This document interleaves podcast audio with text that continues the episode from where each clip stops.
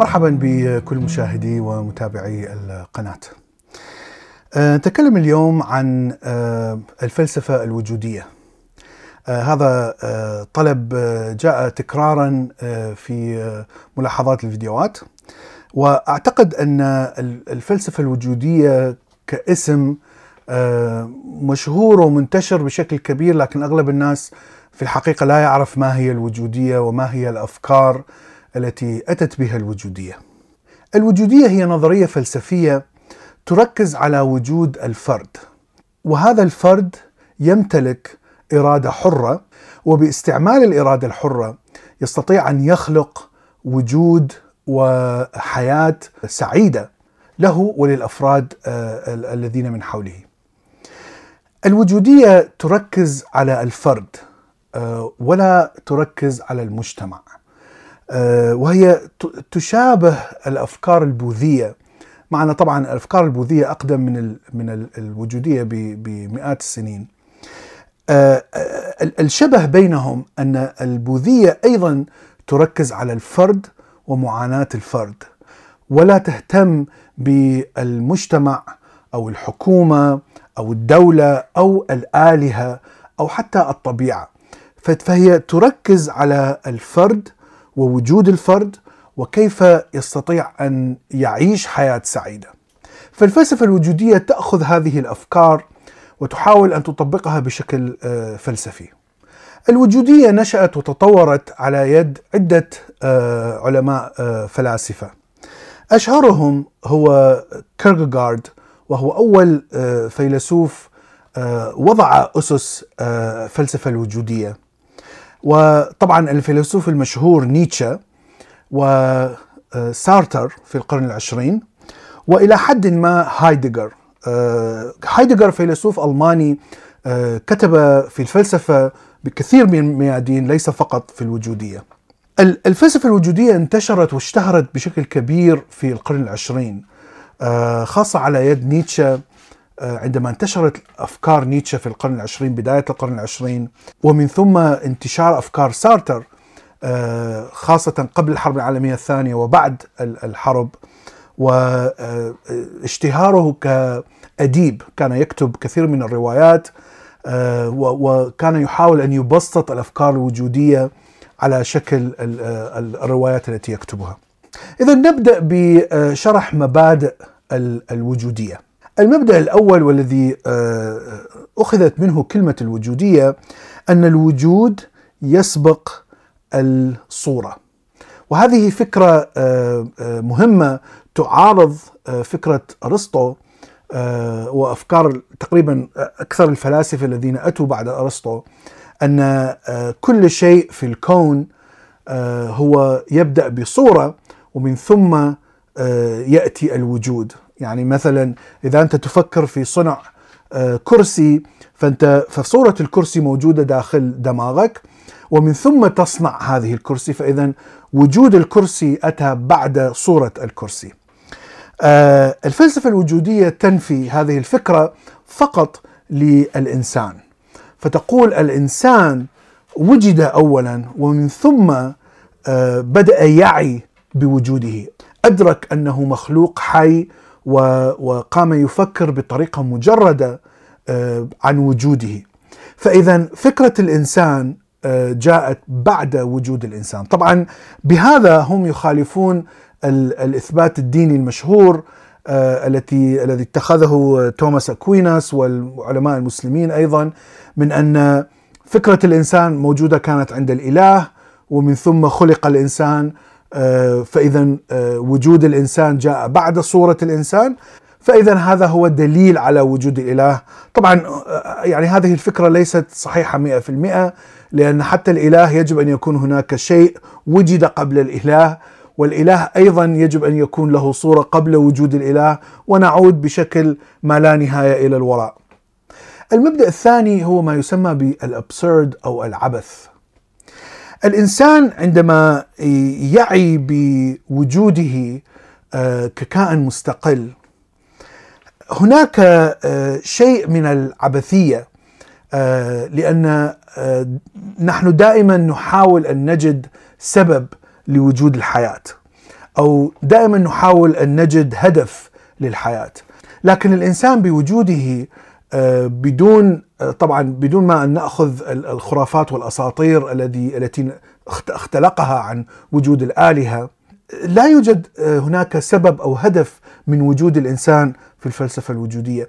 ففكره العبث أو العبثية فكرة مهمة جدا في الفلسفة الوجودية والطريقة التي يعالج بها هذه الفكرة فكرة العبثية أن الإنسان يجب أن يمتلك إرادة حرة.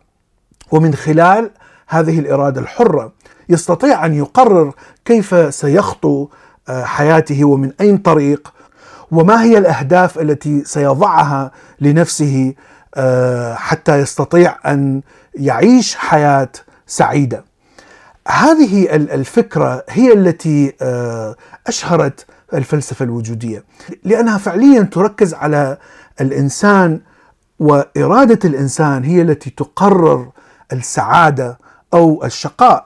فهي تنكر كل الأفكار الخرافية أو الأساطير أو الأفكار المجتمع البالية القديمة التي آه، تقرر بأن الإنسان مخلوق لا إرادة له وأن القدر آه، هو الذي يسير الإنسان وأن الآلهة هم الذين يسيطرون على حياة الإنسان.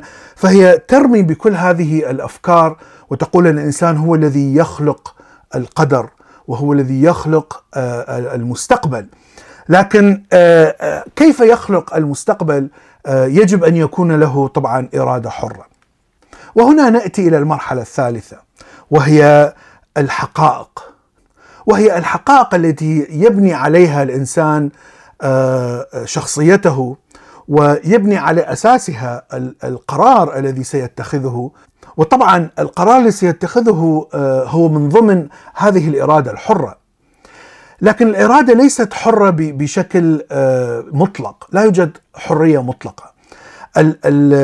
الحقائق التي يعتمد عليها الإنسان في اتخاذ القرارات هي تعتمد على الماضي القرارات التي اتخذتها في الماضي مثلا. ف إذا أنت مثلا آه، آه، قررت أن آه، تتعلم الكمبيوتر حتى تستطيع أن تعمل كمبرمج فاذا يجب أن أن تذهب إلى مثلا جامعة أو كلية يجب أن تدرس لمدة معينة حتى تستطيع أن تتعلم you know, الكمبيوتر ثم تستطيع أن تعمل كمبرمج. فاذا الحرية في أنك تتخذ قرار حتى تعمل كمبرمج تعتمد على الماضي. هل هل درست الكمبيوتر في في الجامعة أم أم لم تدرس؟ طبعا إذا لم تدرس في الجامعة يعني إرادتك الحرة ليس لها أي معنى لأنك لا تستطيع فعلا أن تنفذ آه، القرار. اذا آه، هناك آه، حقائق مهمة يجب أن أن تعتمد عليها في بناء شخصيتك وفي اتخاذك لهذه القرارات. وترتبط هذه الفكرة أيضا بفكرة الصدق. الإنسان يجب أن يصدق آه، مع نفسه آه، عندما يقرر آه، أو عندما يحكم إرادته في اتخاذ القرارات. الشيء الذي دائما كانت تنتقده الفلسفة الوجودية هو عدم صدق الإنسان مع كيانه، مع ذاته، مع وجوده. فبحيث أن الإنسان ممكن أن يحمل السلاح ويذهب ويحارب ويقتل وهو ليس ليس بجندي. يعني هو مثلا قد يكون إنسان مخترع أو فلاح أو فنان أو أي شيء آخر. فتعتبر أن هذا ليس صدق. فهذه فكرة مهمة جدا في الوجودية. آه، لأنها لأنها تركز على الفرد. آه، وتحاول أن تقلل من تأثير المجتمع على الفرد لأن المجتمع دائما يحاول أن يبرمج عقول الناس. يعني يعني هذا الشيء موجود ونراه في تقريبا في كل المجتمعات المتقدمة والمتأخرة في في تاريخ الانساني كله. دائما الحاكم السلطة الدينية السلطة السياسية العسكرية دائما تحاول أن تنشر الأهداف التي تمكن هذه السلطة من البقاء ولهذا تحاول أن تغسل آه، آه، أكبر عدد ممكن من عقول الناس آه، حتى يتحولوا إلى جنود مخلصين في سبيل هذه الأفكار سواء كانوا يحملون أسلحة أو يساعدون في تنمية الاقتصاد الذي سيثري هذا الكيان السياسي أو الديني. فالفلسفة الوجودية تحاول دائما أن تشجع الفرد على التفكير بذاته وعدم التأثر بالأفكار أو السياسات أو البروباغندا الاجتماعية أو الحكومية. وبهذا إذا كان الفرد دائما صادق مع نفسه فإنه دائما سيحاول أن يتخذ القرار الذي سيحقق أكبر نجاح ممكن لأنه يتطابق مع آه، ذاته الداخلية ويتطابق آه، مع آه، كما ذكرنا كل ما اكتسبه من خبرات في الماضي. المبدأ الخامس هو هو فكرة الآخر وكيف ينظر الآخر إلى الفرد. بمعنى كيف ينظر الفرد إلى فرد آخر.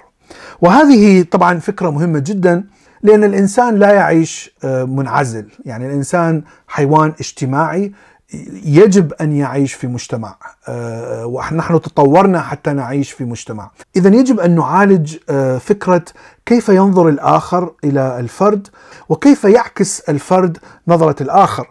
وهذه هي الفكرة المهمة في فلسفة الوجودية أنك تعرف ما هي صورتك أو صورة ذاتك في عيون الآخرين.